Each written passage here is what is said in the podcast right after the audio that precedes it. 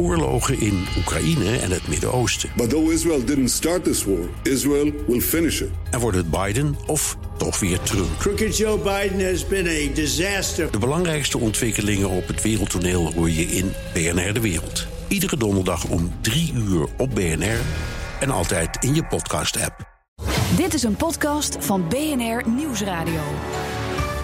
Welkom bij de Technoloog, nummer 18 inmiddels al. En we zitten hier met Michiel Steltman. Hij is directeur van de Stichting Digitale Infrastructuur Nederland. En natuurlijk het Herbert Blankenstein. Herbert, Hoi. ook weer welkom. Ja, we zijn er weer. We zijn er weer. Nou, Michiel, de directeur Stichting Digitale Infrastructuur Nederland. Wat moet jij doen? Uh, Stichting DNL is een koepelorganisatie van een negental uh, partijen. Dat zijn op zich ook weer brancheorganisaties, stichtingen, verenigingen.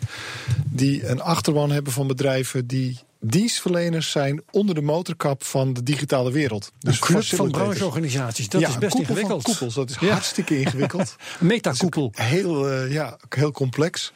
En die clubs hebben allemaal een eigen uh, achterban en thema's, hosting, cloud, uh, internetknooppunten, ja. datacenters. En wij hebben een aantal verbindende thema's geformuleerd. Dingen die iedereen belangrijk vindt. Zoals een vrij veilig open internet, multi-stakeholder aanpak. Uh, de manier waarop je de wereld, hoe zit de wereld in elkaar, duiding, uitleg geven over dingen die ons gezamenlijk verbinden en die wij allemaal belangrijk vinden. Ja. En daar klim ik voor op de, op de zeepkist. We gaan het zo hebben over uh, auteursrecht. Ja, dat was daar, de aanleiding Daar is ook, iets uh, aan, daarmee aan de hand wat jou hoog zit. En we gaan het hebben over uh, het niveau, ICT-niveau van Kamerleden. Dat ja. geldt hetzelfde voor. Maar... Um, uh, wat, wat ik mij kan voorstellen wat een probleem is voor jou, is onze infrastructuur is verschrikkelijk goed. Ja, dat klopt. En dat... Dus je hebt helemaal niks te doen. Ja, nou, het doel van DNL is ook niet het goed maken van de infrastructuur, maar vooral zorgen dat het zo blijft. Ja. Het internet, moet je je voorstellen, is een redelijk uh, ongereguleerd uh, fenomeen. En dat is ontstaan. Het is een afspraak. Ik zeg dat het internet bestaat niet. Hè. Het is een afspraak tussen miljoenen uh, apparaatjes en een stukje software die op dezelfde manier met elkaar communiceren. Niemand is daar de baas over.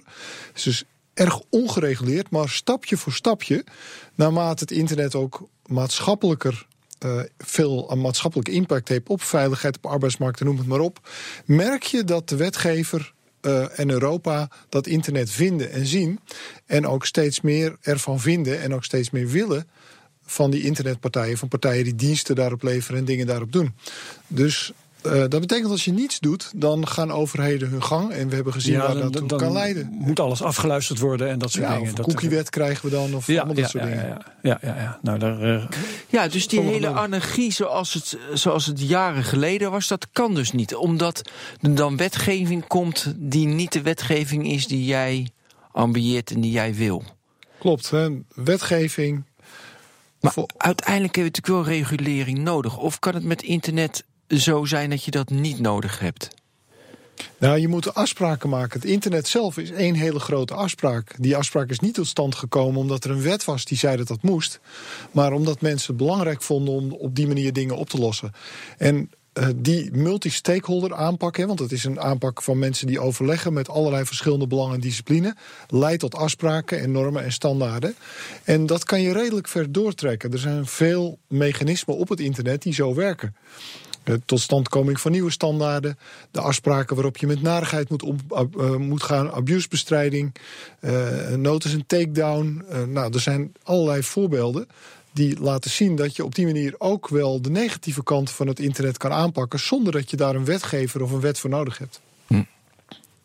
Nou is er een, een voorstel van de Europese Commissie over auteursrecht. Dat. Daar dreigde ik net al mee. Uh, dat zit jou hoog. Daar maak je je druk over. Wat staat er in dat voorstel? Ja. Nou, dat voorstel uh, zegt dat er nieuwe naburige rechten moeten komen. En het voorstel zegt dat internetpartijen verantwoordelijk aansprakelijk zijn of worden voor het naleven van de naburige rechten van mediabedrijven en uitgevers. En uh, dat voorstel Even zegt... gewone mensentaal? Nou, dat zegt dat internetbedrijven ervoor moeten zorgen dat er niks onrechtsmatigs qua auteursrechten meer kan gebeuren. Dat ja. er geen auteursrechten schendingen meer kunnen plaatsvinden. En dat dingen die nu geen rechten hebben, zoals het maken van linkjes of het, uh, het citeren of snippets met uh, krantenkoppen, Uh, of het citeren uit een krantartikel, dat dat niet meer zomaar mag. Of althans, daar moet dan voor betaald gaan worden. Dat hoeft nu niet, maar dat zou in het voorstel straks dan wel moeten. Ja, maar dat is serieus dit? Dit is serieus. Ja, dit ligt er. Dit en wat is daar precies slecht aan? Ja, het nou. kan helemaal niet natuurlijk. nou ja, los even van kan, het is nogal fundamenteel. Het internet bestaat uit. Het, het meest uh, voorkomend gebruik van het internet is het gebruik van hyperlinks. Het verwijzen, het refereren naar context, gebruik van zoekmachines om ergens te komen. Het kunnen uploaden van je favoriete filmpje. Ja. Dus dat zijn allemaal dingen die uh, vrij uh, toegankelijk zijn en die ook de basis zijn voor innovatie. Um, nou, dat, uh, om, om daar eens mee te beginnen, dat wordt heel erg lastig. Want als jij een filmpje uploadt, ja, dat kan, uh, stel dat jij een liedje van John Lennon nazingt en dat is, heeft nog auteursrechten, dat mag natuurlijk niet zomaar. En iemand wil dan, hè, dus de, de media-industrie en de commissie wil dan, dat er technologie wordt geïnstalleerd om te voorkomen dat dat gebeurt. En dat de, uh, daarbij de betreffende partijen, de partijen die dat uh, nu faciliteren, hè, neem YouTube of andere, mhm. ja. dat die partijen ook daar afspraken over maken met de uitgevers. Die moeten daar contracten voor gaan sluiten, zo staat in de wet, om dan uh, recht te hebben, een recht toe te staan om iemand zo'n filmpje te, te, laten uploaden. En dus zij moeten dan de afdracht gaan regelen. Als ik op een gegeven moment dan uh, even, even in deze fictieve toekomst kijken. Als ik dan een link wil aanbrengen in een blogpost die ik aan het maken ben. Of ik probeer een filmpje op, te uploaden naar YouTube. Dan krijg ik een foutmelding. Ik krijg een foutmelding, ja. Want het uh, passeert dan niet het filter wat dat platform daarvoor heeft geïnstalleerd. En dan kan dat niet. Dat klopt. Maar, maar, zelfs uh, gewoon een artikel gewoon geschreven en ik link naar de NRC, dat kan dan ook niet. Want ik heb niet met de NRC afspraken gemaakt dat uh, ik een link naar de NRC toevoegen. Hij kan een beetje diplomatiek kennen. Politiek zeggen, kijk, het is nog te vroeg om precies te bepalen hoe het exact gaat uitwerken. Maar, zo gaat die wet wel. In? Nee, die wet gaat nog niet in. Het is een voorstel, een voorstel, van de Europese Commissie. Dat ligt voor. Er zijn twee artikelen. Dus dit artikel, artikel 11, dat zegt er moeten nieuwe rechten komen op dingen die nu rechtenvrij zijn. Mm. En artikel 13, en dat is eigenlijk het, het meest belangrijke, waar men zegt die platforms en die hosters en cloudpartijen, die moeten ervoor gaan zorgen dat er geen schendingen van het auteursrecht meer voorkomen. Dus in artikel 11 wordt het uitgebreid. En artikel 13 wordt gezegd: het moet zo geregeld worden dat het niet meer kan. En dat er dus filters komen en allerlei technieken zodat het niet meer kan gebeuren. En dat er ook betaald gaat worden. Wie heeft dit verzonnen? Nou, dit is bedacht door uh, eigenlijk een aantal grote Amerikaanse uitgevers en mediapartijen. Uh, dat kun je zo vrij rechtstreeks zeggen, door hun lobby, een hele sterke lobby. Want de nieuwe platforms die willen dit niet. Dat zijn ook uitgevers. Ehm, Netflix en eh, Spotify, noem, ze maar op. En Blend, die willen dit natuurlijk niet. Eh, maar ook de performing artists willen dit niet. En de performing artists, die hebben hier niet voor gelobbyd. Het zijn een aantal partijen die op dit moment veel geld verdienen aan content. De rechthebbenden wordt dat altijd netjes genoemd. Mm zeg maar Warner. Niet artiesten. Dus Warner is Sony, Warner, die partijen. Oké, Disney. Ja. Disney, inderdaad. Dat zijn de partijen die hiervoor gelobbyd hebben. Het is ook heel opmerkelijk dat die gelobbyd hebben in Europa. Voorheen... Ik wil het zeggen. En het is opmerkelijk dat de Europese Commissie daar zijn oren naar laat hangen. Ja, ze hebben dat heel slim geframed. Hè. Zo doen lobbyisten dat. Die hebben, uh, dat uh, die hebben dat de value gap genoemd. En gezegd van het is niet eerlijk dat een heleboel partijen heel veel geld verdienen met uh, een soort van afgeleid gebruik van ons, uh, van ons werk. En uh, dat is niet eerlijk en dat is een value gap noemen ze dat. maar het grappige is als je kijkt naar wat die, hoe, hoe, het, hoe zit met de omzet en de winst per aandeel van die bedrijven. Nou, die is gewoon skyrocketing. Hè? Dat gaat gewoon heel erg goed. Maar in, blijkbaar vonden ze dat niet goed genoeg en vinden ze dat ze recht hebben op meer. Daar hebben ze in feite de commissie van overtuigd. En ja, wat dus heel apart is dat. Uh, dat ja, maar daar wil ik toch even diep op, uh, daar wil ik diep op, uh, op ingaan. Want uh, kijk, je kan wel zeggen Warner en Disney, weet je, die gaan hartstikke goed. Maar dat komt door die paar blockbusters die ze maken, weet je, en dat kunnen ze heel goed overal wegzetten. Maar ik, ik kan me voorstellen, even heel simpel, ik maak iets, daar heb ik heel veel geld in geïnvesteerd. En als dat zomaar gekopieerd wordt, uh, een liedje, weet je, en ja, dat dat ook vervelend is. Dat is wel de andere kant. Ja. maar dat is toch al erkend, Ben, in de regulering die er nu is. Precies. Dat uh, als, als, als er een, uh, op YouTube ja, een kopie verschijnt van een of andere speelfilm, dan wordt dat gemeld. Er zijn tegenwoordig ook geweldige uh, content-ID-zoekprogramma's voor Precies, die dat signaleren. Dus, ook. dus het is grotendeels afgevangen. Dus Ik vind echt geen, geen Star Wars meer op YouTube. Nee, maar dus ze verleggen de verantwoordelijkheid eigenlijk. Maar twee dingen. Ze willen dus uitbreiding van rechten en het verleggen van de verantwoordelijkheid. Ze zeggen niet wij we, we, we willen dieper in het internet om de naleving van onze rechten af te gaan dwingen. Dus Hm. ze willen onder de motorkap van wat normaal gesproken. eh, waar het normaal gesproken plaatsvindt. Nu is het zo dat, dat artikel 11, dat is zo bizar, dat wordt eigenlijk wel gezien door heel veel landen, dat dat eigenlijk gewoon niet kan. Dus wij hebben wel. Dat is het artikel over het linken. Het artikel over het linkjes en dus het uitbreiding van rechten. Dat rechten eh, ruimer, eh, dus de uitbreiding van die rechten, dat je ook linkjes, snippets en dat soort dingen, dat die ook onder het auteursrecht moeten vallen. Eh, wij denken dat dat niet gaat halen. Dat zelfs in de commissie, zelfs de meest geharde voorstanders zeggen van ja, dat gaat echt veel en veel te ver. Ja, ik las een stuk van jou online en daarin schreef jij... het is of je iemand de weg wijst naar de bioscoop... en je moet de bioscoop nog betalen ook. Ja, precies. Ja, dat komt ik wel mooi gevonden. Ja, en dat, Gaat, dat wordt in de commissie in heel veel landen toch wel gezien dat dat veel te ver gaat. Dat dat niet acceptabel is. En, eh, dus wij denken dat artikel 11 dat dat eh, waarschijnlijk wel van tafel gaat. Eh, ja, blijft dan over het dat befaamde artikel 13. Eh, dat grijpt heel erg in, want het belangrijkste van artikel 13 is dat het ingrijpt op een fundamenteel recht. Wat een van de rechten die is vastgelegd in het zogenaamde e-commerce directive. Het e-commerce directive zegt dat platforms, hosters, dus facilitators, niet aansprakelijk en verantwoordelijk zijn voor wat hun klanten doen. Dat is een, een rock solid principe. is ook heel belangrijk. Want anders zou iemand, eh, dan, dan krijg je precies dit effect. Iemand Ja. die eh, eh, iets doet wat misschien niet onrechtmatig is op een server. En dan zou je dan degene die die server levert, een hoster of zo, zou je daarop kunnen, of kunnen aanspreken. Die zeggen van, joh, jij moet zorgen dat dat niet gebeurt. En we hebben dat duidelijk gescheiden. Dat is een eh, netneutraliteit is ook zo'n vorm, hè? Maar is dat een recht of een afspraak?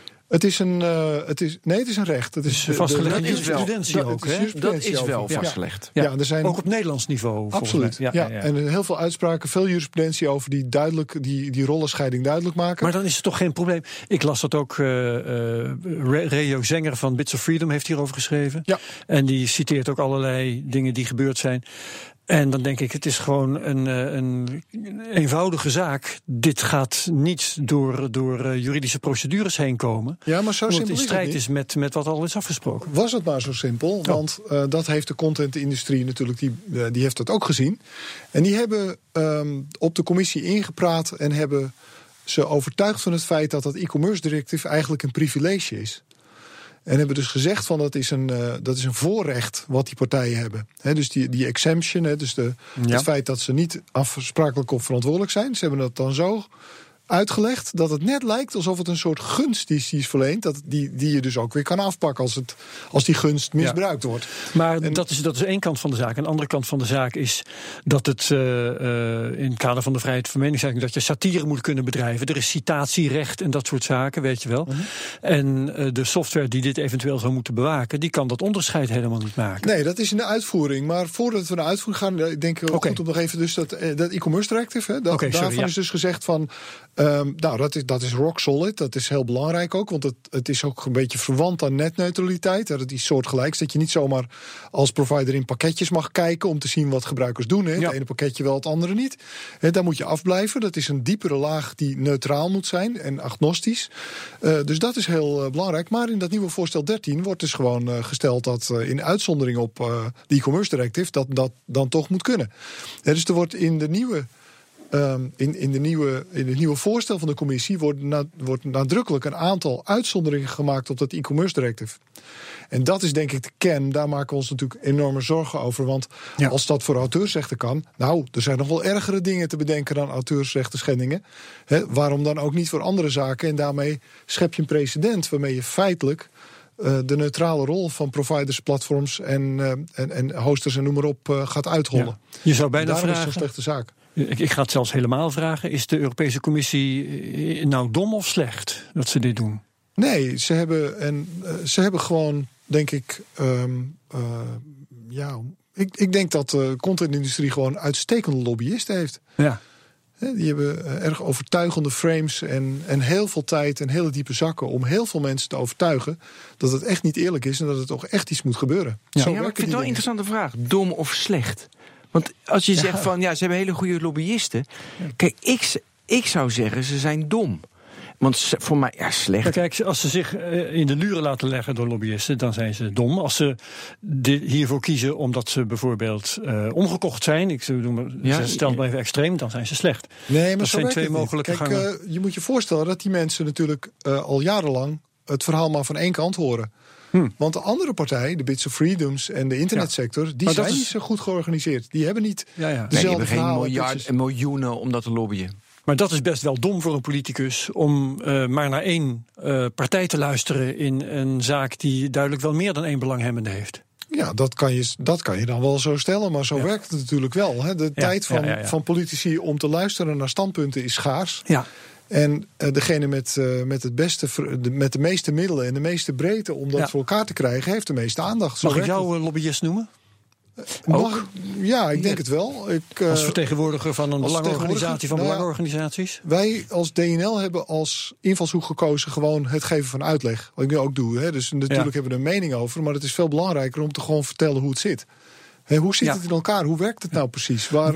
Waarom is deze kwestie belangrijk voor de mensen die jij vertegenwoordigt? Voor de bedrijven, de, de clubs die jij vertegenwoordigt? Omdat dit uh, ten eerste hun neutrale rol op de helling zet. Zij moeten zich ineens gaan bemoeien met wat hun klanten doen. Internetproviders, et cetera. Ten tweede moeten ze daar investeringen voor gaan doen. Ze moeten uh, dus de hoeveelheid. Het is een vorm van regulering, hè, waarbij zij meer moeten gaan doen om, uh, om, om een bepaald aspect van, van het gebruik van internet, namelijk ja. auteursrechten, copyrights moeten ze, ja, daar moeten ze iets aan gaan doen. Ja. Systeem installeren, procedures afspraken, zodat dus de hele workload... Kosten maken, prijzen kosten maken, dus de, de, de activiteiten. Uh, dat dwingt bedrijven om groter te worden. Want als je veel meer moet doen of meer regeltjes voldoen... ja, dat kun je niet met een bedrijfje van vijf of tien man. En dan moet je al 30, 40 man worden. Uh, dat betekent onvermijdelijk dat het voor kleine partijen... alweer een stuk moeilijker wordt om toe te treden tot die markt een nieuw platform te gaan bedenken. Hè. Voor start-ups uh, ontstaat er een drempel. Nog even het woord voor innovatie valt. Nou, dat kun je wel stellen, want het begint natuurlijk al met kleine clubjes. En als je direct een uh, flinke stapel regels en investeringen wordt geconfronteerd, dan, uh, nou, die hebben we natuurlijk al. Hè, dat hadden we met de bewaarplicht. En dan moest je een kastje kopen. En dan, nou, dan komt er dan misschien de wifi bij die bij je langskomt, die wat van je wil. Kost ook allemaal geld en tijd. Uh, die je misschien liever wilt besteden aan het ontwikkelen van nieuwe software. Dus na, naarmate de tijd vordert, hè, dat is wat ik aan het begin zei, stapelt het lijstje met dingen die je moet als kleine club op het internet, stapelt maar door. Ja, ik wil, mag even over netneutraliteit wil ik iets dieper op ingaan. Want dat, weet je, we zeggen altijd van ja, dat is onwijs belangrijk. In, eh, vooral in Europa, weet je, zeggen in Amerika is het anders. Daar wil ik het ook even over hebben. Hoe, hm? hoe zit het daar precies? Wat is het verschil? Uh, kan je dat even uitleggen? Nou, is nu nog geen verschil. Netneutraliteit is bij alle uh, landen. over de hele wereld? Nee, want in, China? als je het grote plaatje ziet, hè, dan heb je drie soorten landen. Je hebt dan de landen die echt voor een vrij veilig open internet zijn, waar Amerika nog bij hoort. Uh, daar gaan we het zo over hebben, want dat rafelt wel. Ja. dus de westers, overal gewoon westen, Scandinavische landen, groot deel, dus zo'n beetje mm, ruim, ruim een derde, iets groter. Dan heb je de landen die uh, helemaal niet zo gecharmeerd zijn van internetvrijheid. China, Rusland, inmiddels Turkije. Ja, Iran. Uh, Iran en zo, die daar niets aan doen. En dan zitten de zogenaamde swing states tussen. Partijen die nog ja, wel telco's hebben, maar niet zo heel veel met internet doen. En waar overheden er ook niet zoveel van weten. En die nog niet besloten hebben. Dit was de kern van de Global Conference on Cybersecurity, die twee jaar geleden hier in Den Haag is gehouden. Waar eh, de wegen voor werden afgezet en Obama toen in het. Uh, in Huis de Duin was en zo. En dat, dat, dat, Dit was een van de belangrijkste thema's van die conferentie. En Nederland is heel actief uh, in de diplomatie om partijen een bepaalde kant op te krijgen. Ja, terug naar het onderwerp. In Amerika heb je nu netneutraliteit. Die zit aan de kant van het vrije, veilige open internet. Maar nu de regering Trump is aangetreden, zie je daar toch wel wat barstjes in ontstaan. En de eerste is nu, uh, barst is gekomen. Ja, een decreet heeft hij uitgevaardigd. Dat, je, dat, hij, uh, iedereen, dat, dat hij in je data mag kijken. Nou, hij vindt dat ISP's, uh, eh, en telco's en ISP's in je data mogen kijken. Ja. Kijk, dat hij dat kon via inlichtingendiensten, ja, dat kan, ja, maar al. Er is een veel landen zo. Dat, dat, ja, dat, dat inlichtingendiensten dat kunnen, daar hebben we het denk ik eh, vaker over gehad. Dat is nou helemaal zo. Eh, dan is het meer de vraag, wordt er goed op toegezien dat dat niet zomaar kan? Hoe zit dat dan elkaar? Ja. Maar los daarvan, heeft hij nu bepaald dat ISP's uh, en telco's de data van hun klanten gewoon uh, mogen, mogen gebruiken naar eigen inzicht? dus mogen verzamelen, vergaren, mogen verkopen. Dus jouw surfgedrag. Met als argument, nou ja, het hoeft niet. je hoeft het internet niet te gebruiken als je dat niet wil. Dan, dat is eigenlijk een beetje De mhm. redenering die wordt gevolgd. En uh, wat ons verontrust is dat Trump zich ook heeft uitgelaten over netneutraliteit. Dat hij dat ook nog maar een beetje ja, geneuzel eh, van linkse politici vindt. Ja. En uh, heeft de hoofd van de FCC, de Federal Communications Committee, benoemd. Die een fervent tegenstander is van netneutraliteit. Waarom dus- is die man echt tegen? Wat is zijn argument? Argumenten van de telco's is dat dat hun vermogen om op de, uh, optimaal te verdienen remt. Want netneutraliteit verplicht je ook om bitjes door te geven waar je minder geld aan verdient. En dat betekent dus dat je investeringen moet doen die minder goed renderen. En dus vanuit een commercieel oogpunt uh, gezien is dat ook ja, best begrijpelijk, die argumentatie. Ja. Maar voor de vrijheid van het internet, het ongefilterd en ongelimiteerd doorgeven van bitjes, ongeacht wat voor bitjes het zijn, is natuurlijk essentieel. Maar is het commercieel model, is dat de enige is dat het e-, enige argument dat ze zeggen van uh, we willen geen netneutraliteit? Of is er nog meer? Hebben ze niet ook van uh, beschermen iets, ja, misschien alleen maar businessmodellen? Ja. Het is alleen businessmodel. Ja, het gaat echt alleen om, zakelijk, om het zakelijk belang van de betreffende bedrijven die daarvoor gelobbyd hebben. Van wij willen dat onderscheid wel kunnen maken. Mm want dan kunnen we bepalen, kunnen we onze klanten beter bedienen. He, wordt gezegd dat we dus meer bandbreedte toekennen aan streaming, video en content. En kunnen we dingen die toch minder interessant zijn, kunnen we dan een beetje knijpen. Nou, zo kun je het, hè? Zo wordt het dan commercieel uitgelegd. Ja, en het gevolg was vond ik wel grappig om te lezen dat ieder, nee, niet iedereen, maar mensen in Amerika, uh, heel veel mensen VPN aanvroegen. Want ze willen natuurlijk niet uh, dat, de, dat de telecom operators en de ISP's erin konden kijken. Dan maar uh, dus met een VPN, waardoor dat niet kon. Vond ik wel je voelt hem al aankomen wat de volgende stap gaat worden dan. dat, dat ze natuurlijk VPN-verkeer en netneutraliteit, dat je VPN-verkeer gaat knijpen of ja. gaat moeilijk ja, gaan ja, ja, alles wat gevpn'd is, dat, dat geven we gewoon een, een tiende snelheid. Precies, nou dan. Ja. Dat, dat dan houden ze vanzelf wel op. Ja. Ja. ja. Oké. Okay. Um, uh, dat is Amerika, hè? Laten we wel. Ja, precies. dat is Amerika. Nou, maar, nee, maar waarom een schrikbeeld? Omdat ik, weet je, dit soort acties uh, in, uh, in Brussel, weet je, waar je dat zegt. Ik zie zo een, misschien niet, maar ik, meer dat het ook hier steeds lastiger wordt en dat ze hier aan, aan die grenzen zitten te porren. Ja, het is, het is natuurlijk ook niet zo vreemd als je vanuit een niet um, als je niet goed begrijpt wat de dynamiek is van de internetwereld en hoe het tot die innovatie leidt, dan zie je het internet als een fenomeen. er wordt altijd gezegd: uh, een ISP sluit je aan op het internet. Dus je hebt, ik als burger, als consument, iemand die, uh, die een, een aansluiting maakt op het internet. Dat zit er dan, dat is iets vaags wat daar dan achter zit. En daar gebeurt al die narigheid dus je moet of op die aansluiting of op het internet moet je dan iets doen om die narigheid tegen te gaan. Hoe denkt een politicus of hoe denkt de gemiddelde, neem nu de, de uh, partijen die veiligheidsdenken, VVD, CDA, hoe denken die daarover? Nou, iemand moet daar iets, iemand moet iets doen. dan moet je macht, sterke armen, wet hebben om dat gewoon terug te brengen, om daar iets van te vinden. Of te zeggen dat het niet mag.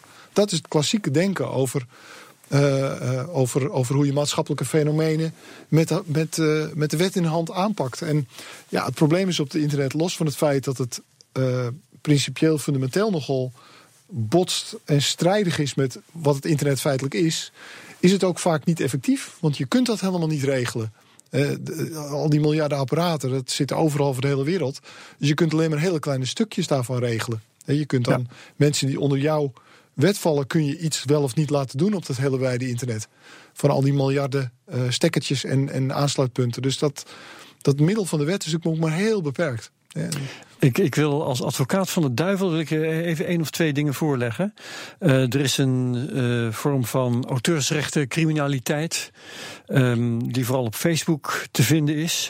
Daar worden nog wel eens filmpjes gekopieerd van succesvolle YouTubers. Die worden geherupload naar bepaalde kanalen op Facebook. Waar dus degene die het heruploadt, die verdient daar geld aan. Um, en die verdient daar goed geld aan, uh, nog voordat de oorspronkelijke maker dat heeft kunnen tegengaan. En Facebook zelf verdient daar ook geld aan.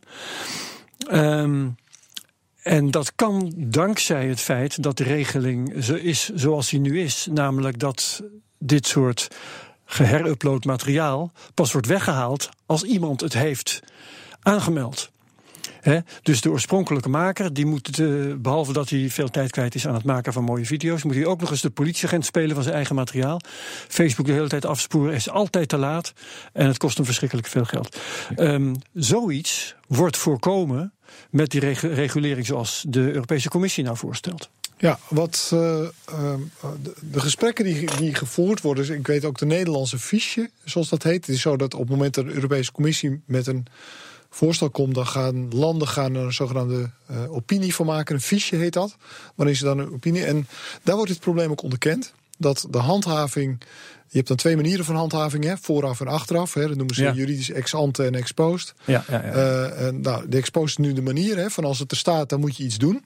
Uh, dat dat nog wel iets steviger kan, ja, dat roepen wij als sector ook. Hè? Want er zijn zo'n rotte appels die zich daar niks van aantrekken. Die gewoon dat soort materiaal laten staan en zeggen van ja, ik weet niet, ik weet, ik ga A in twijfel trekken of jij die rechten wel hebt. En B, ik heb het mijn klant gevraagd en die zegt nee, sorry, kan niks voor je doen. Ja. Uh, ja, dat die rotte appels van het internet geweerd moeten worden, is iedereen het volledig over eens. En daar moeten we met z'n allen wat doen. Want mhm. dat zie je ook bij andere fenomenen, zoals bij kinderporno of andere dingen. En ja, maar eerst een vraag aan Herbert. Ik snap dat als ik een YouTube-filmpje, voordat die maker daarvan, daarvan bewust is, ik zet het op Facebook. Ik snap dat Facebook eraan verdient, maar omdat YouTube nog geen advertenties heeft, nog niet. Ze hebben het wel aangekondigd. Bij die video's, hoe verdien ik dan als ik dat gestolen heb aan, uh, uh, Facebook-advertenties? Maar, maar, die, maar die zitten toch niet in die video? Nog niet? Zit niet in die video, maar zitten wel op uh, de pagina van degene oh, op, die, die. Op mijn pagina? Ja, ja. ja. Oké, oké. En, en hoe kunnen we het voorkomen dat ik vooraf die, uh, dat ik het vooraf dat onderken van hé, hey, dat is een gestolen video? Dat kan technisch natuurlijk. Is daar. Uh... Nou, zijn algemeen. Kijk, we hebben notice- en take-down procedure. Daar valt nog heel veel aan te verbeteren. Want het is nu een, een methode die een beetje gaat zoals Julius Caesar dat deed dus uh, iemand ziet wat en die moet er een mailtje gaan dichten. Moet die eerste video hoe is uitzoeken ja, waar die moet zijn. Allemaal ingewikkeld en complex. Zeggen mensen van, nou ja, dat weet ik niet of zo. En dat betreft de afdeling van Facebook is overbelast? Ja, nou, dat, of Facebook heeft zaakjes wel redelijk voor elkaar hoor. Die gaan wel, die reageren wel snel op dit soort dingen. Dus dat zit wel goed. Maar je, daar valt nog veel te winnen. Als je externe detectie verbetert, dus de detectie van dit soort materiaal. En, en dat is mijn oproep aan de contentindustrie. Ga nou gewoon fatsoenlijk inzetten op detectie van onrechtmatigheid. Ja. Er is niks mis mee. Hè. Schuim, eh, ik bedoel, Google kan het internet afschuimen, dat kan jij ook. dus ga gewoon het internet afschuimen op dingen die je gewoon niet vindt. vindt dat die niet kunnen of niet, niet mogen. Dat is te doen. Dat zijn vaak publieke bronnen. Dat kan. Ja. als je daarop inzet en je zet in op een verbetering van die notice en takedown, valt er nog heel veel te winnen. Het procedure versnellen. Dan kun je misschien ook het een en ander in automatiseren. Als iets onmiskenbaar onrechtmatig is, ja, dan werkt eigenlijk iedereen daaraan mee. En uh, misschien kun je nog wel denken, en ik, wa ik waag me, weet ik voor sommigen wel op glad ijs, maar je zal uh, in die aansprakelijkheid zo'n, uh, zeg maar in de zelfregulering toch ook iets moeten doen aan het feit dat er mensen zijn die zo'n gedragscode gewoon aan hun laars lappen. Ja. En want dat is wel een puntje. we willen geen regulering. We zeggen dan we willen zelfregulering. Maar eerlijk is eerlijk, voor heel veel internetbedrijven is zelfregulering geen regulering. En dat is natuurlijk niet hetzelfde. Hè? Je moet wel wat doen en dan moet je er ook serieus in zijn. En ook laten zien als sector dat je daar serieus aan wilt werken. Ja, hoe? Nou, door, dus noem, eens, noem eens een concrete Bijvoorbeeld, we zijn nu bezig met het ontwikkelen van een code of conduct in een van de projecten. Uh, voor abusebestrijding. En uh, nou, we vinden dat daar best wel uh, een, een, misschien een juridische stok bij zou passen. dat je dat gewoon moet doen. Want je hebt ook een bepaalde. Je hebt een vrijheid gekregen. Daar hoort ook een verantwoordelijkheid bij. En dan moet je zo'n code conduct wel serieus nemen. En dat hoeft dan niet met een wet, maar het kan wel in de vorm van schade of aansprakelijkheid op het moment dat je het niet doet. Dus dat soort uh, maatregelen zijn. En er is ook al jurisprudentie voor. dus ja, ja. dat kunnen we wel een beetje aanscherpen. Dus Daar valt nog wel wat te winnen. Dit soort acteurs, zegt misdadigers, dat die uh, ook echt gestraft worden. in plaats van dat ze alleen maar uh, die takedown hoeven uitvoeren. Precies. Ja, dat zal wat zijn. Um, Advocaat van de duivel deel 2. Want uh, jij hebt het nu ook over uh, de vrijheid van meningsuiting... Hè, die in het uh, geding zou komen, omdat het moeilijker wordt om dingen te uploaden.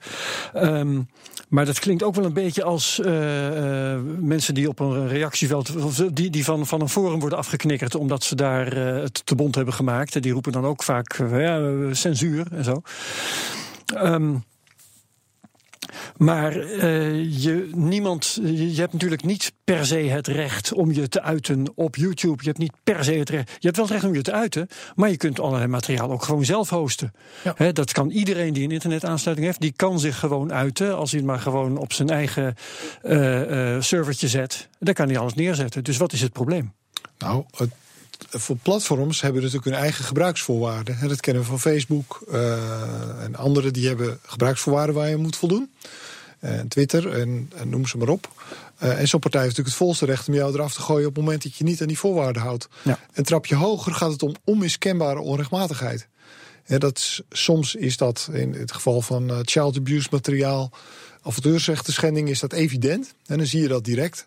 Uh, er zijn ook wat meer grijze gevallen. En dan kom je op het, op het gebied uh, terecht van waar gaat uh, het weigeren van materiaal wat niet onmiskenbaar onrechtmatig is en niet evident in strijd met de gebruiksvoorwaarden van de provider, ja. waar gaat het over in censuur? Ja. In het weren van iets wat ik niet wil. Weigeren en, voor alle zekerheid. Precies. En, da en, daar zit voor ons de grote zorg bij de e-commerce directive. Als je partijen impliciet aansprakelijk en verantwoordelijk maakt voor wat hun klanten doen, dan worden ze heel erg voorzichtig. Ja. Dan worden ze heel, heel terughoudend bij Zeker Amerikaanse bedrijven. Absoluut. En dat betekent uh, dat je al snel op die grens van censuur terechtkomt. Nou, laat ik dat maar weigeren. Want misschien krijg ik er anders gedonder mee of een, uh, een advocaat op mijn dak.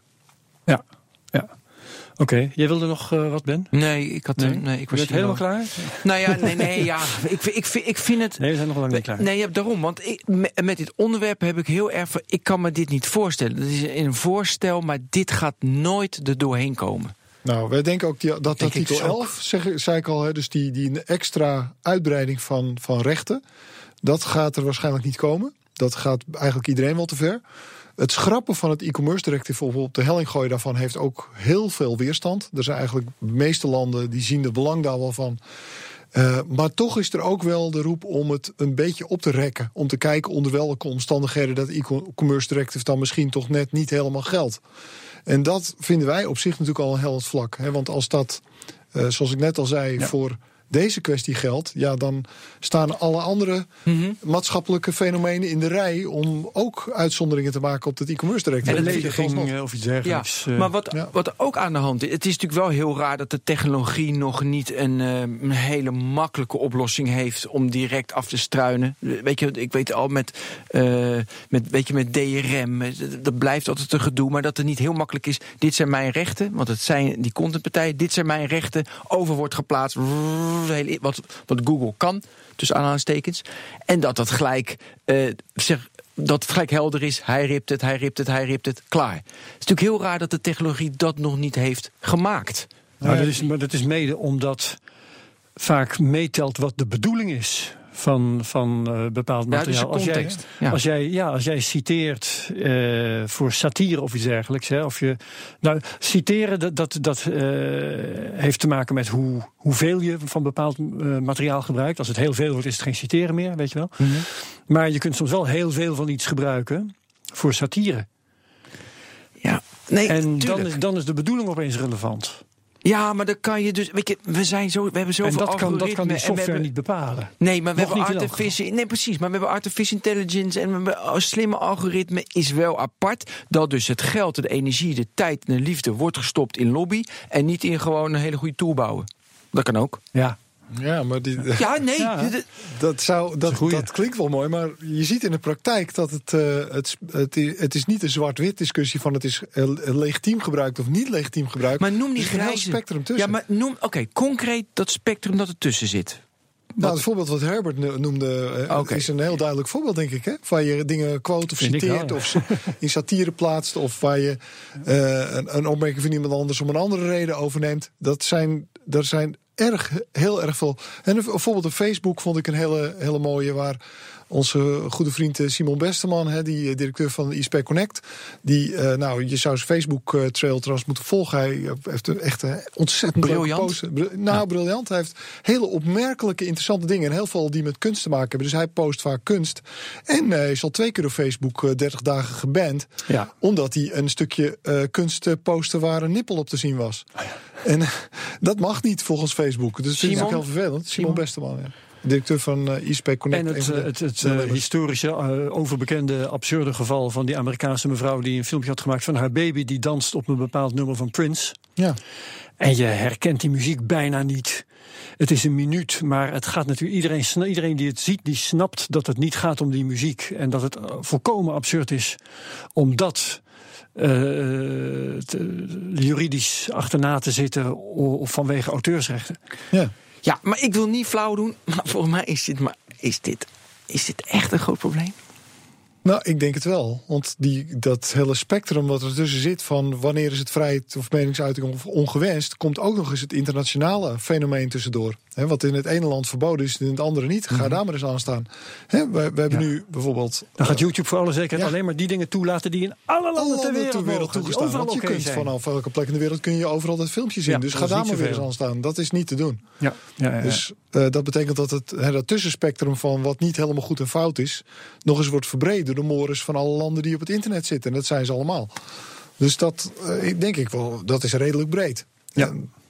Dan komen we dus toch uit op uh, hoe politici in elkaar zitten. Hè? Wat, uh, wat bezielt de Europese Commissie om hiermee te komen? Um, en wat, bezielen, wat, wat gaat straks parlementsleden, leden van het Europese parlement, bezielen om hier bijvoorbeeld voor te stemmen? Um, jij praat veel met politici. En dat vond ik wel grappig. Een paar weken geleden spraken we elkaar en uh, toen klaagde je je nood dat je net zo ongeveer de hele Tweede Kamer uh, wat had bijgespijkerd op digitaal gebied en dat nou weer de helft van de leden werd vervangen. Ja, kunnen we opnieuw beginnen. Ja, hoeveel tijd investeer jij in elk Kamerlid? Nou, veel te weinig.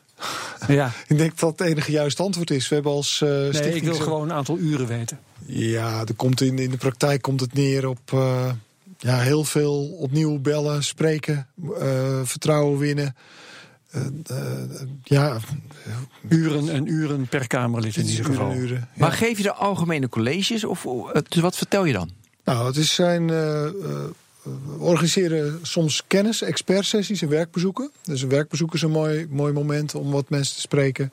Kennissessies doen we in Nieuwspoort, waar we dan eh, rond een bepaald thema zeggen: joh, we kom eens langs, dan gaan we vertellen hoe het zit met abuse bijvoorbeeld, of met, met uh, cyber, cybersecurity, of hoe zit het internet in elkaar, of nou, al, al naar gelang de actualiteit pakken we een onderwerp waar we dan een kort college over geven, soms met gasten. Uh, dus dat is ook georganiseerd. Dat is een heel gedurige trek, hè, want de agenda van Kamerleden. Ik wou zeggen, hoeveel komen er dan? Nou, uh, in het begin dacht ik van, uh, toen was ik heel naïef. want ik, ik ben natuurlijk geen lobbyist, ik ben een, een technoloog. Hè, dus, ja. Eh, ik ben dus, je dacht, die wil het allemaal weten. We hadden het internet eigenlijk helemaal geen lobby. Dus nou, ga jij het maar doen. Zo ging dat eigenlijk. Ja. En toen dacht ik van, nou, dat gaat... Je doet zo'n sessie en dan komen er gewoon 40 of zo. Ja. En toen maakten mensen me al snel duidelijk... die een beetje verstand van hebben. Ze nou, als je er twee krijgt, dan doe je het al heel goed. en drie, nou, dat is allemaal gigantisch mooi. Dus we hadden, ik had in februari een sessie en dan kwamen er zeven. Nou, dat was mensen echt ongelooflijk. Dat was nog nooit vertoond. Michiel Stelman in extase. ja, dus dat, zo moet je het overzien. Want het is natuurlijk ook... kijk, het is zijn heel veel fracties. De Kamerleden hebben heel veel dossiers. En uh, ja, we zijn net denk ik als gewone burgers. Hè, als je kijkt naar de Kamerleden, is allemaal, uh, nou, allemaal hebben onze verhalen van plusjeklevers en dit en dat. En als je daar dan komt, en ik ben daar toch echt wel veel respect voor gaan krijgen. En je ziet hoe de werkkamer van de gemiddelde Kamerlid eruit ziet. En hoeveel ondersteuning ze hebben, en hoeveel dossiers ze hebben. En hoeveel werk dat is. Ja. Om op al die dossiers die inhoud allemaal bij te houden. En er ook nog verstand van te hebben. En ook nog tijd om jezelf ze werken allemaal ongelooflijk hard. Dat, dat is echt niet te geloven. Dat is echt een hele zware baan. Respect moet je daarvoor hebben voor de mensen die dat serieus nemen. Maar dat betekent ook dat ze heel weinig tijd hebben om zich te laten bijspijkeren. Ja. En dat um, voor hun kamer de mensen met een belang in de rij staan. En Zeker. dat betekent dat je als, uh, ja, als, als sector uh, serieus daarop moet inzetten. Maar is het niet ook een beetje zo um, dat um, dat prachtige betoog dat John Cleese een keer heeft gehouden ook werkt? Dat uh, als je ondeskundig genoeg bent, dan snap je ook niet meer dat je ondeskundig bent. Ja, dat klopt. Dat je niet meer weet dat je wat je niet weet. Hè? En dat je niet weet dat, je, dat het nodig weet, is dat, je, weet. van Michiel ja. Steltman even te horen krijgt hoe het zit. Ja, of, of anderen in ons sector. Ja, dat klopt. Dat Ja. kom je ook wel tegen. Ik, ik weet, op het moment dat de ge- dialogen tot stand komen, de gesprekken, is het vrijwel altijd. ehm, komt er wel iets tot stand? Is die klik er wel? Maar ja, er zijn ook binnen het dossier, hè, dus je moet je voorstellen, één Kamerlid heeft het dossier ICT en internet. Nou, daar kun je al hele boeken en weken mee vullen. Hoeveel subonderwerpen daarin zitten. Dat zijn jou, natuurlijk jouw eerste targets. Ja, dat target zijn gesprekspartners. Hè. Zo zie ik dat echt. Mensen met wie je in die dialoog kan van wat, wat hebben hun nodig om ook hun werk te kunnen doen. Ja, en de meesten hebben inderdaad, uh, ik, ik, noem het maar even bijspijkeren, dat hebben ze nodig, de ICT-specialisten. Ja, absoluut. Want ik zeg ook, dat is ook niet zo raar. Want als je uh, kijkt van waarom zouden Kamerleden daar verstand voor moeten hebben. Kijk, Kamerleden zijn jou en mijn buurman. En ik weet niet of jouw buurman dat verstand, maar die heeft er niet per definitie verstand van hoe het internet werkt. Het is volksvertegenwoordiging. Dus het is ook niet vreemd dat mensen. Dat willen we ook zo. En dat heeft een hele goede reden. Dat niet alleen maar experts en specialisten op bepaalde onderwerpen. maar ja. gewoon volksvertegenwoordigers in de Kamer zijn. En dat betekent dat er dus per definitie ook vaak achterstand is op dossiers. Er zijn wel politieke overtuigingen en meningen. maar echt de, de, ja, de nitty-gritty details van hoe het met zo'n dossier werkt. dat is vaak kennis die uh, van buiten komt, uh, bij de fractiemedewerkers vandaan komt, die ook uh, ja, soms bijgespijkerd moet worden. En um, ja, die, de diepgang, zeker op zo'n dossier als dit, dat is natuurlijk buitengewoon complex, het ja. hele ICT. Maar zijn over het algemeen wel bereid om zich te laten ja, bijsluiten? Absoluut, absoluut. Ja, op, ik, ik heb jou niet positief. nodig. Ja, en ze zien het belang ook allemaal toch wel tegenwoordig? Um, nou, oh. nog een beetje vanaf de John Cleese uitgangspunt tot het moment dat dat duidelijk wordt dat het ook iets met Nederland te maken heeft. En wat ik al eerder zei, het is vaak zo: het internet is een soort fenomeen. Het is een soort uh, abstract iets wat, voor, wat waarschijnlijk niet in Nederland zit. Tot het moment dat men beseft dat, uh, in tegenstelling tot heel veel andere Europese landen, in Nederland er ook heel veel economisch belang is om het goed te doen. En wij hebben een maakindustrie bij het internet die andere landen niet hebben die sluiten zich alleen maar aan op die maakindustrie die hier in de datacenters in Nederland staat. Dus voor ons verdienvermogen in Nederland is dit erg belangrijk. En op het moment dat die kennis, dat besef bij Kamerleden er is, merk je dat de dialoog uh, vrij goed op gang komt. En dan wordt het veel beter. Ja, want we hadden het net al over uh, uh, goede en slechte wetten.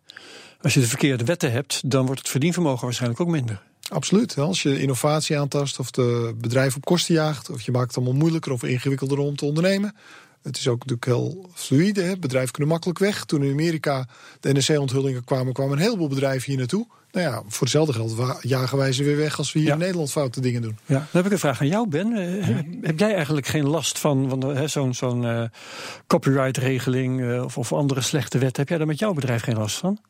Nee, totaal niet. Dit is ook echt een onderwerp wat heel ver weg staat bij mij omdat ik wat ik net zei, op, op, ja, ik, nou waar we wel veel last, nee wel, wij moeten natuurlijk standaard die al die DRM's moeten we allemaal implementeren. Als we een player bouwen, ja, dan heb je iets. En uh, dan vind ik ook zo, dat zijn zeg maar. Dat zijn eh, kosten. Dat zijn kosten. Nou ja, niet voor ons, want die, be, want die berekenen we door aan klanten. Maar je ziet wel. Nee, maar dan, dan verhoogt het je prijzen. Ja, precies. Maar ze moeten hele dure licenties afnemen, die partijen, van, uh, dus van de DRM-partijen. Want zeg maar de Warners van, van, van deze wereld die zeggen tegen de RTL's van deze wereld: deze DRM moet je implementeren. Ja. Maar dat zijn. Dus ik, ik hoopte zeg maar dat hij met de DRM, maar dus ook allemaal boevenzooi, vind ik. Want vaak hele hoge licenties. En ook lobby welke je implementeert. Maar ik, ik zoek de oplossing meer daarin. Weet je, dus vooraf. En niet achteraf. Ja, maar ja, dat is nog niet goed genoeg. Je, het, want, ja, want die context heb ik hier geleerd, is zo belangrijk dat het vaak niet kan. Wel één op één een video, maar je kan vaak niet. Uh, ja, dus je kan, je kan vaak niet de context meenemen. En dan uh, heb je het wel. Nou, dat is zo. Hè. Als je echt muziek en video, daar kun je waarschijnlijk nog wel redelijk wat wat bereiken. Hè. Daar is die bandbreedte van waar het misgaat wat smaller. Maar bij andere vormen is dat natuurlijk weer veel breder. Mm -hmm. Dus ja, uiteindelijk, ja, ik dacht niet, maar dat is meer dat ik uh, met iets wat niet mag. Want wij implementeren gewoon DRM. Nee, okay. maar het is dus wel, ook wel grappig dat je dat maar half realiseert. Nou, hè? Dat je ermee te maken hebt, gewoon zelf. Ja, je hebt inderdaad. Ja. Dus. Hey, en, en Michiel, uh, sommige Kamerleden komen dus op zo'n college. Hè? Met z'n zevenen ben je al heel blij. Dus dan zijn er 143 niet. Um, wat doe je daar? Ga je die echt allemaal af? Ga je daar allemaal jezelf op de koffie uitnodigen? Ja, ja daar komt het wel op neer. En dat lukt ook? Dat lukt over het algemeen wel, ja. Maar kun je me even een onderwerp van uh, bijvoorbeeld uh, dat ze moeten investeren in deze, daar wet hebben we al gehad, doe cybersecurity. Wat onderwijs je ze dan? Nou, bij cybersecurity is uh, het thema wat DNL uitdraagt, is dat bij cybersecurity zie je ook. Uh, presenteer ik het klassieke denken over regelen van security. als je wil dat iets secure wordt, wat heeft een wetgever of een Kamerlid of een politicus voor instrument? Een wet. Dus die zoekt naar een plan en een wet om iets af te gaan dwingen, om iets te gaan regelen. En van hoe gaan we dit regelen, hoe gaan we dit doen? Ja. Dus politiek zoekt naar die instrumenten. Maar het bestuur, als je kijkt bij de ministeries, en waar we natuurlijk ook, daar hebben we dezelfde gesprekken, en niet op politiek niveau, maar bij uh, bestuurders, bij beleidsmakers, beleidsmedewerkers. Ehm, zie je wel wat bereidheid om te praten over oplossingen die niet uh, met wetgeving uh, lopen. En dat zijn de gesprekken die we voeren. Wat wij hier bijvoorbeeld over cybersecurity zeggen. Van nou, uh, de roep om een digitaal deltaplan of zo. Gaat dat werken? Is er iemand die de baas kan zijn en zeggen: nu moet je dat doen? Ja, een beetje de stok die bijvoorbeeld met de privacywetgeving hebben, die helpt een beetje. Maar het helpt natuurlijk veel beter als je kijkt naar de aard van het internet. Uh, wat ik net zei, al die miljarden apparaten. Dat je kijkt dat je op alle punten, dus alle betrokken partijen, dat je die allemaal um, allemaal leert en laat zien wat hun aandeel aan de bijdrage van security is.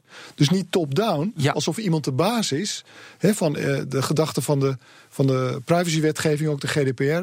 Hè, dus de, of de AVG in Nederland, de Algemene Verordening Gegevensbescherming. Die zegt nou, je moet gegevens beschermen, persoonsgegevens. Nou, dat, zijn, dat is heel breed, hè, dat zijn er heel veel. En dan moet een bedrijf, is daar de baas over, die is verantwoordelijk. En die moet het allemaal regelen. Dat is raar, en want zo werkt het internet niet. dus ja. met internet moet je zorgen dat iedereen een stukje regelt. Dan wordt het geheel veiliger. Dat laten wij zien, zo'n bottom-up aanpak. Wat je kunt doen om het geheel langzamer naar een hoger niveau te tillen. Wat moet je dan doen? Met welke kleine maatregelen op al die plekken kun je de informatieveiligheid op heel veel punten verbeteren? Ja, en noem eens een nou, concreet dat voorbeeld. Dan uit. Ja, precies. Nou, bijvoorbeeld door informatieuitwisseling tussen partijen te versnellen.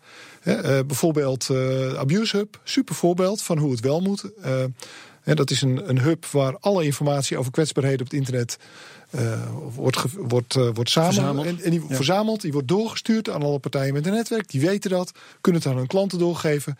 En zo verspreid je dus informatie over kwetsbaarheden en kun je ze snel dichten, waardoor er minder lekken en minder hacks zijn en systemen veiliger Ja. worden. Dus het denken is een slot erop, heel erg slot erop. En jij zegt juist decentraal hebben we allemaal... Decentraal, zoals het internet zelf werkt, zo moet je innoveren, maar zo moet je dus ook de narigheid bestrijden op diezelfde manier. Dat zijn boodschappen die we meegeven. Ja. Ja, maar ik moet ineens denken aan een anekdote die ik dit weekend hoorde van, van Ricardo Semler. Er werd in zijn bedrijf, weet je, dat is die goeroe uit Brazilië. Uh, nou oké, Ricardo Semler. Die heeft een bouwbedrijf. En er wordt heel veel gestolen bij zijn bouwbedrijf. Echt heel veel. En er was een, een drama. Dus had iemand van security met camera's en sloten erop. En allemaal maatregelen. En uh, dat moesten ze allemaal doen, want er zouden minder worden gestolen. En toen zei hij, hartstikke leuk jongens, we doen alle sloten eraf. Security, uh, uh, en de security kan naar huis. Geen camera's, geen sloten, niets. Ze mogen meenemen wat ze willen.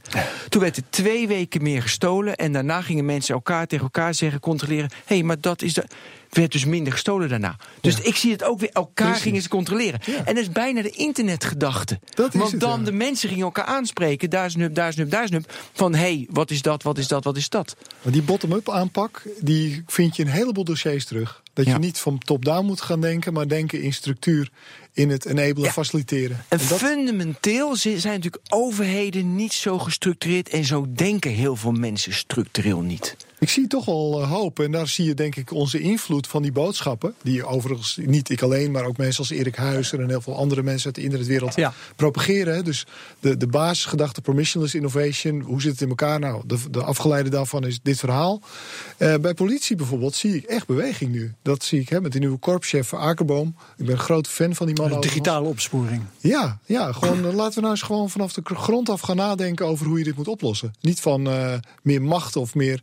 We hebben natuurlijk wel een wetsvoorstel gehad, maar ondertussen ja. zie je ook de beweging dat mensen denken van ja, misschien moeten we het eens over een andere boeg gaan gooien. Misschien moeten we eens. Ja, maar hoe dan bij de politie? Doe ze een voorbeeld. Ja, maar geef eens een nou, voorbeeld. We denken daar nu na ook over een uh, netwerk, uh, uh, hoe je. Uh, informatie deelt tussen de meldpunten. Hè, dus de systematiek met meldpunten. Meldpunt kinderporno, meldpunt opgelet op internet. Je hebt uh, fraudehelpdesk en nou, noem ze maar op. Uh, dat zijn tr trusted notifiers. Die hebben een schat aan informatie over dingen die misgaan. Nou, dat is heel handig dat de politie dat natuurlijk ook heeft. Ja. Maar ja, dat kan nu alleen maar via een, een uh, typemachine en iemand die zegt waar is het plaatsdelict. En dat kan natuurlijk een stuk handiger. Als je dit soort informatiebronnen bij elkaar brengt, patronen gaat vinden, gespecialiseerde units er iets mee kunnen. Dat zijn allemaal gedachten. Uh, ik praat nu een beetje voor hun, maar ik zie dat er, dat er interesse is om op deze manier met die materie om te gaan. Dus veel meer die bottom-up aanpak, information sharing, versnellen, automatiseren. Eigenlijk de narigheid met dezelfde middelen bestrijden als waarmee de narigheid ontstaat. Ja. Mag ik jou ook vragen stellen over de dark web of weet je er helemaal niks van? Ja, Tor en zo weet ik wel iets van. Ja, dan moet je even vertellen. Want ik heb dit weekend de Deep Web bekeken. Ah, gaaf, film. En, maar ja, oh, ja, ik zit daar niet zo in. Weet je wel? ik weet niet of jij ooit een Tor Ja, ik heb wel dingen gedownload. Ja. Ja. Ja, ja, Maar kun je me even uitleggen hoe groot dat is, hoe belangrijk dat is? En is het, moeten we het juist tegengaan? Of is het juist mooi, want het is een anarchistisch systeem onder het internet of erboven, weet ik veel. Nou, de kern van Tor is, uh, het is heel langzaam trouwens. Uh, ja. Dat weet je ook. Heel ja. traag, heel Absoluut. veel geduld. Dus, uh, maar goed, niks mee te beginnen. Tenzij je er heel graag iets wil doen. Heel graag dus, maar goed, daar, maar de daar kern van Tor is dat het een manier is om anoniem te blijven. He, dat je niet gevolgd kan worden, niemand weet waar je geweest bent of wat je doet of wie je bent. Dus het is echt anonimiteit. Um, is anonimiteit want dat is de kern. Is dat goed of slecht? Ja, als je crimineel bent, is het natuurlijk super handig. Ja. want het is uh, essentieel dat je als crimineel uh, anoniem blijft. En dan is de pakkans uh, heel klein. Dat is het. Hè. Voor, voor normale mensen, zal ik maar even zeggen, is anonimiteit is fijn. Is en fijn. het is best wel belangrijk en zo. Ja. Maar voor een crimineel is het essentieel, is het onderdeel van het businessmodel. Ja. Maar is, nou, is het nou anonimiteit het probleem? Is het het goed of slecht gedrag het probleem? Of is Tor het probleem? Ja, Zie je? De, daar zie je. Dus technologie kun je op verschillende manieren gebruiken. Dus die, die technologie van Tor is het probleem niet. Het gaat erop dat de mensen met hele slechte intenties heel fijn vinden om anoniem te blijven. Dus ja, hoe ga je er nou mee om? Kun je het verbieden? Nee, natuurlijk kun je het niet verbieden. Anonimiteit op het internet? Absoluut niet. Je kunt het ook niet restricten. Nee.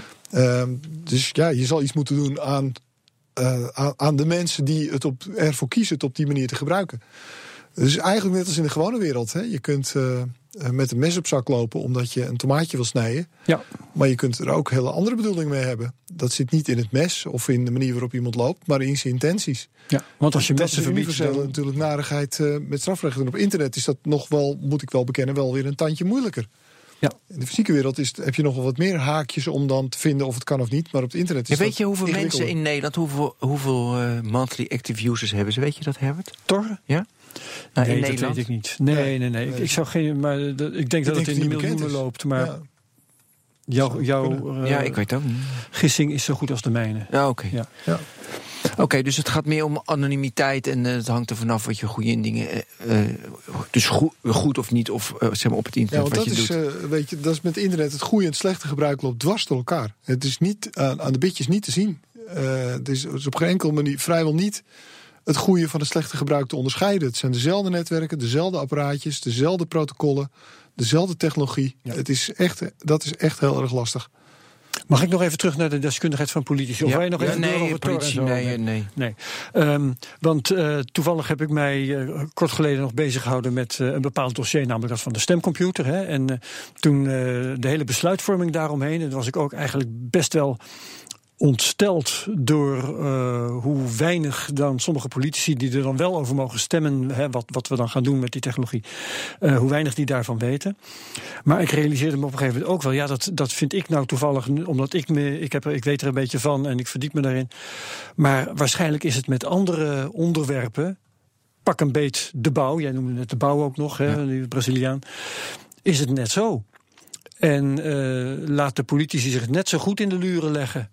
Uh, met uh, bouwfraudes en dergelijke. Uh, dus dus de, de, ICT is wat dat betreft eigenlijk helemaal niet uniek, ben ik gaan denken. Michiel, wat, wat vind jij daarvan? Nou, ik denk dat IT wel één aspect heeft. dat is de fenomenale niveau van abstractie. Ja. Je kunt het helemaal niet zien. Je, het is er gewoon helemaal niet. Het is, het is volledig abstract. Er is niets wat beweegt of, of wat er fysiek aan is. Je ziet dat bij werkbezoeken. Mensen willen altijd heel graag een datacenter. Want dat is de enige plek waar je iets kan zien van het internet. Ja, ja. En dat is natuurlijk met andere sectoren heel anders. Daar word je zelf ja. mee geconfronteerd. Het is veel fysieker, ja. veel analoger in je, in je maatschappelijk leven of in je bestaan verweven. Maar het internet is zo vreselijk abstract en uh, hangt zo aan elkaar van termen waar zelfs de experts zelf nog over ruzieën. Hè, wat, wat, iets is. Ik bedoel, al drie jaar het, uh, het gesprek gaat over het woordje cloud. Uh, ja. En er zijn nog steeds mensen die vinden dat zij de enige zijn die, vind, die iets aan cloud doen en de rest zijn charlatans. En dat maakt het allemaal wel heel erg ingewikkeld. Dat je dus voor iets wat al heel abstract is, termen gebruikt en een, en een duiding moet geven die echt volledig virtueel is, alleen maar um, in, in, in theorie zit. Dat maakt het wel een buitengewoon taai onderwerp om het te visualiseren of er iets praktisch mee te doen. Ik denk dat internet dat wel meer heeft dan sommige andere dat sectoren. Is er is me, uh, toen ik uh, eh, ICT en de bouw met elkaar ging vergelijken, toen kwam ik op nog een gedachte. Dat is namelijk. Uh, ook een beetje mijn vooroordeel misschien hoor. Maar uh, als ik dan denk van hoe, hoe pakt de bouw dat aan? Ik weet niet precies hoe ze het aanpakken. Maar op een of andere manier uh, denk ik dan weten ze de politiek heel aardig voor hun karretje te spannen. En worden er allerlei uh, projecten uitgevoerd en, en wordt er vreselijk veel geld verdiend.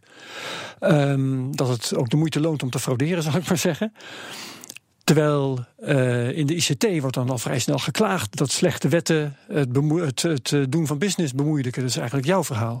Ja. Dus uh, is, zijn de bouwjongens slimmer dan de ICT-jongens? Dat kan ik me bijna niet voorstellen eigenlijk, want ICT-jongens zijn zo slim. Wat, waar komt dat verschil vandaan? Of, of heb ik het helemaal mis met dat verschil? Nee, het heeft te maken met de organisatiegraad. Hoe jongere sector, hoe minder sterk ze georganiseerd zijn, hoe minder gemeenschappelijk de geluiden en de verhalen zijn naar uh, naar, naar, politiek en bestuur. En hoe minder ze ook in, het, in de spotlight staan bij politiek en bestuur. De internetsector is wat anarchistisch van huis uit. En kent geen briljante historie in, um, in organisatiegraad. er zijn heel veel initiatieven geweest, ook in Nederland, die zijn mislukt. Uh, we, we, we, zijn nu pas twee jaar bezig met die, met die, met die koepel. We hebben een ICT-industrie, een ICT-lobby. Die is hè, Nederland ICT met zijn achterban, die uh, traditioneel vrij sterk vertegenwoordiging had uit de ICT, uit de hardware- en softwareleveranciers. Uh, nu in de samenwerking heel actief ook is met de online wereld, de digitale, uh, digitale economie. Maar dat is eigenlijk nog maar heel recent. Ja. En uh, daarom staat het ook niet zo. Kijk, de meeste bouworganisaties of andere lobbyclubs die staan redelijk bekend. He, daar, zit ook, ja, maar Michiel, daar ga je wel heel erg traditioneel uit van. Je hebt, je hebt ehm, een, eh, zeg maar, de bouw, of je hebt de, de werkgelegenheid, of je hebt infrastructuur. Mhm. En eh, dat is een bepaalde organisatiegraad. En wij zijn, wij, het internet is anarchistisch en wij moeten ons ook gaan organiseren zodat we voldoen aan de organisatiegraad zoals men, de politiek. Oh nee, ik bedoel het, ook, niet, bedoel dat niet hoeft in de zin niet? van invloed. Ik bedoel het niet in de manier waarop het gestructureerd is als, als sector, maar de manier waarop je de invloed, uh, invloed hebt op bestuur en politiek. En dat, dan moet je dat organiseren. Ja, dat moet je doen. Want iemand moet, de, wat we net zeiden, iemand moet die spreekbuisfunctie zijn naar politici vanuit een sector. Iemand moet uh, wat er in zo'n sector leeft vertegenwoordigen, vertellen, verhalen en uitleggen. En uh, dat, kost, uh, ja, dat kost gewoon tijd en geld. En daar heb je nogal wat middelen voor nodig. Is mij ook gebleken. Ik ging daar een aantal jaren geleden ben ik daar redelijk naïef, uh, mag ik wel zeggen, aan begonnen. Ja. Maar gaandeweg is me duidelijk dat je daar ja, dat dat behoorlijk veel tijd en inspanning kost. En daar zijn natuurlijk sectoren die dat beter voor elkaar hebben. Ja. Die grote panden hebben met marmeren trappen en uh, tientallen ja. Uh, mensen. En jij moet die eentje ja, maar dat is zo ouderwets, vind ik dat. Weet je, nou, dat kan je zeggen, maar je moet mensen wel spreken en afspraken maken. En dat kost gewoon tijd. Ja, maar je kan toch beter een industrie of de overheid disrupten vanaf gewoon van links. En je kan net door de wet van de mazen doe je iets waarbij je global domination krijgt en iedereen haha. Ik denk even aan Uber of aan weet je wat, wat illegaal is heel vaak in heel veel landen. Of aan Airbnb wat net op het randje zit. Waar de overheden met hun handen in hun haar zitten. Wat moet de zelfrijdende rijdende auto's ook zo'n fantastisch voorbeeld dat iedereen voelt van hé, hey, dat komt eraan. Dus ik, je moet veel meer als industrie. De, dat ze alsjeblieft wil je me helpen om hier. Want inderdaad, het komt eraan, maar ik weet niet wat ik moet doen. En nu ben je een beetje van probeer je te vormen naar wat de politiek wil. Nou, je moet het gesprek hebben met de politiek. Dat is wat ik bedoel. Je moet de aansluiting, die spreekbuisfunctie van jouw industrie eh, of van jouw bedrijf naar de politiek moet je regelen. Nee, de politiek moet naar jou eh, toe komen. Ja, als dat zou kunnen, graag. nee, maar als je dus zo disruptief bent, weet je dat je zo. Ik noemde even die voorbeelden, dat kan jij niet met je organisatie, snap ik ook wel. Maar dat, dat is wel het ideale waar je naar, waar je naar je moet streven, naar mijn idee. en als de politiek zijn zaakjes voor elkaar had, dan deden ze dat ook. Want dan kwamen ze bij Michiel of bij wie dan ook om te vragen: hoe kunnen wij die zelfrijdende auto hier krijgen? Ja. Hè? Want straks wordt er weer gemekkerd dat we een achterstand hebben omdat die zelfrijdende auto in Amerika rondrijdt en hier niet. Ja. we nemen een Uber. Ik bedoel, ex-Kamerlid Bart Liefde werkt nu bij Uber. Dat is Ja. bekend. Dus die, eh, die hebben dat ook. Ja, die, Goed, hè? Ja, maar zo, zo gaat dat. Zo gaat die wereld. Ja. Ja, maar nou ja, dat, En die verdient daar een veel. Goed, oké. ja. Nou, dat weet ik niet. Maar Nee, het, is, oh. het is belangrijk. Uber vindt het belangrijk om de aansluiting te hebben met wat er in Den Haag gebeurt. En dat moet je ja, zo doen. Ja, ja, ja, ja. Oké, die aansluiting. Geweldig. Eh, we zijn bijna door de tijd heen. Dat jij nog wat bent. Ehm, nee, ja, ik heb één dingetje nog. Mhm. Oké, nu heb jij gewoon, weet je, wat moet er gewoon nu gebeuren? Wat nou. ben je nu? Helemaal zat. Nu moet het gebeuren. Heel zat. Ja, dus wat, nou, wat er nu moet gebeuren op dit moment. Dus we hebben 4 april. Eh, wat is het? Eh, nou ja, Mensen luisteren hier over tien jaar nog steeds naar. April, als je wil, ja. Eh, 2017. Goed, april 2017. Er is een formatie gaande. Ik ben al heel erg tevreden met één zin in het regeerakkoord. Eén zin. Het kabinet maakt een ambitieuze digitale agenda onder leiding van een top 10 eh, van de minister-president. Waarin aandacht, eh, waarin eh, punten staan voor digitalisering en voor verdere ontwikkeling en steun van digitale infrastructuur. Als dat erin staat, dan hebben we het. Dan, ik denk dat je op dit moment nauwelijks meer kunt vragen. Want het thema digitaal staat helemaal onderaan het lijstje van alle onderhandelingen die nu gaande zijn. Als dat erin komt, dan is er al een aanleiding voor departementen om iets te gaan doen met dit thema. Weinig eisen, een ambitieuze Ja. digitale agenda. Dat vind ik, vind ik nou. Ja, dat- want zeggen mensen, wat moet er allemaal in staan? Joh, dan, dan zijn de onderhandelaars op dit moment al lost. Nou, de vraag is Ja. vooral wie moet er dan in dat topteam? Want het doet mij wel heel erg denken aan dat, eh, ehm, de, die club die eh, de bureau ICT-toetsing. Waarvan Kees Verhoeven in deze studio zei dat het een eh, tandloze tijger eh, is geworden. doordat de verkeerde mensen erin. Ge, Ja. hè?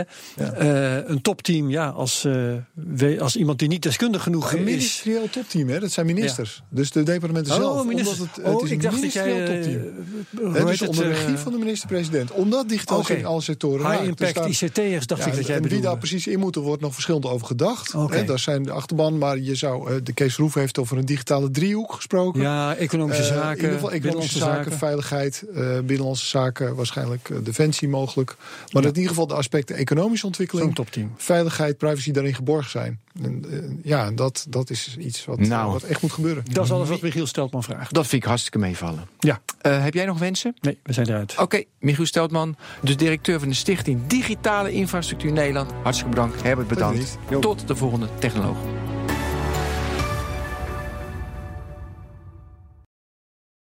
Ook Thomas van Zeil vind je in de BNR-app. Je kunt live naar mij luisteren in Zaken doen, de BNR-app met breaking news, het laatste zakelijke nieuws en je vindt er alle BNR-podcasts, bijvoorbeeld Het Nieuwe Geld. Download nu de gratis BNR-app en blijf scherp.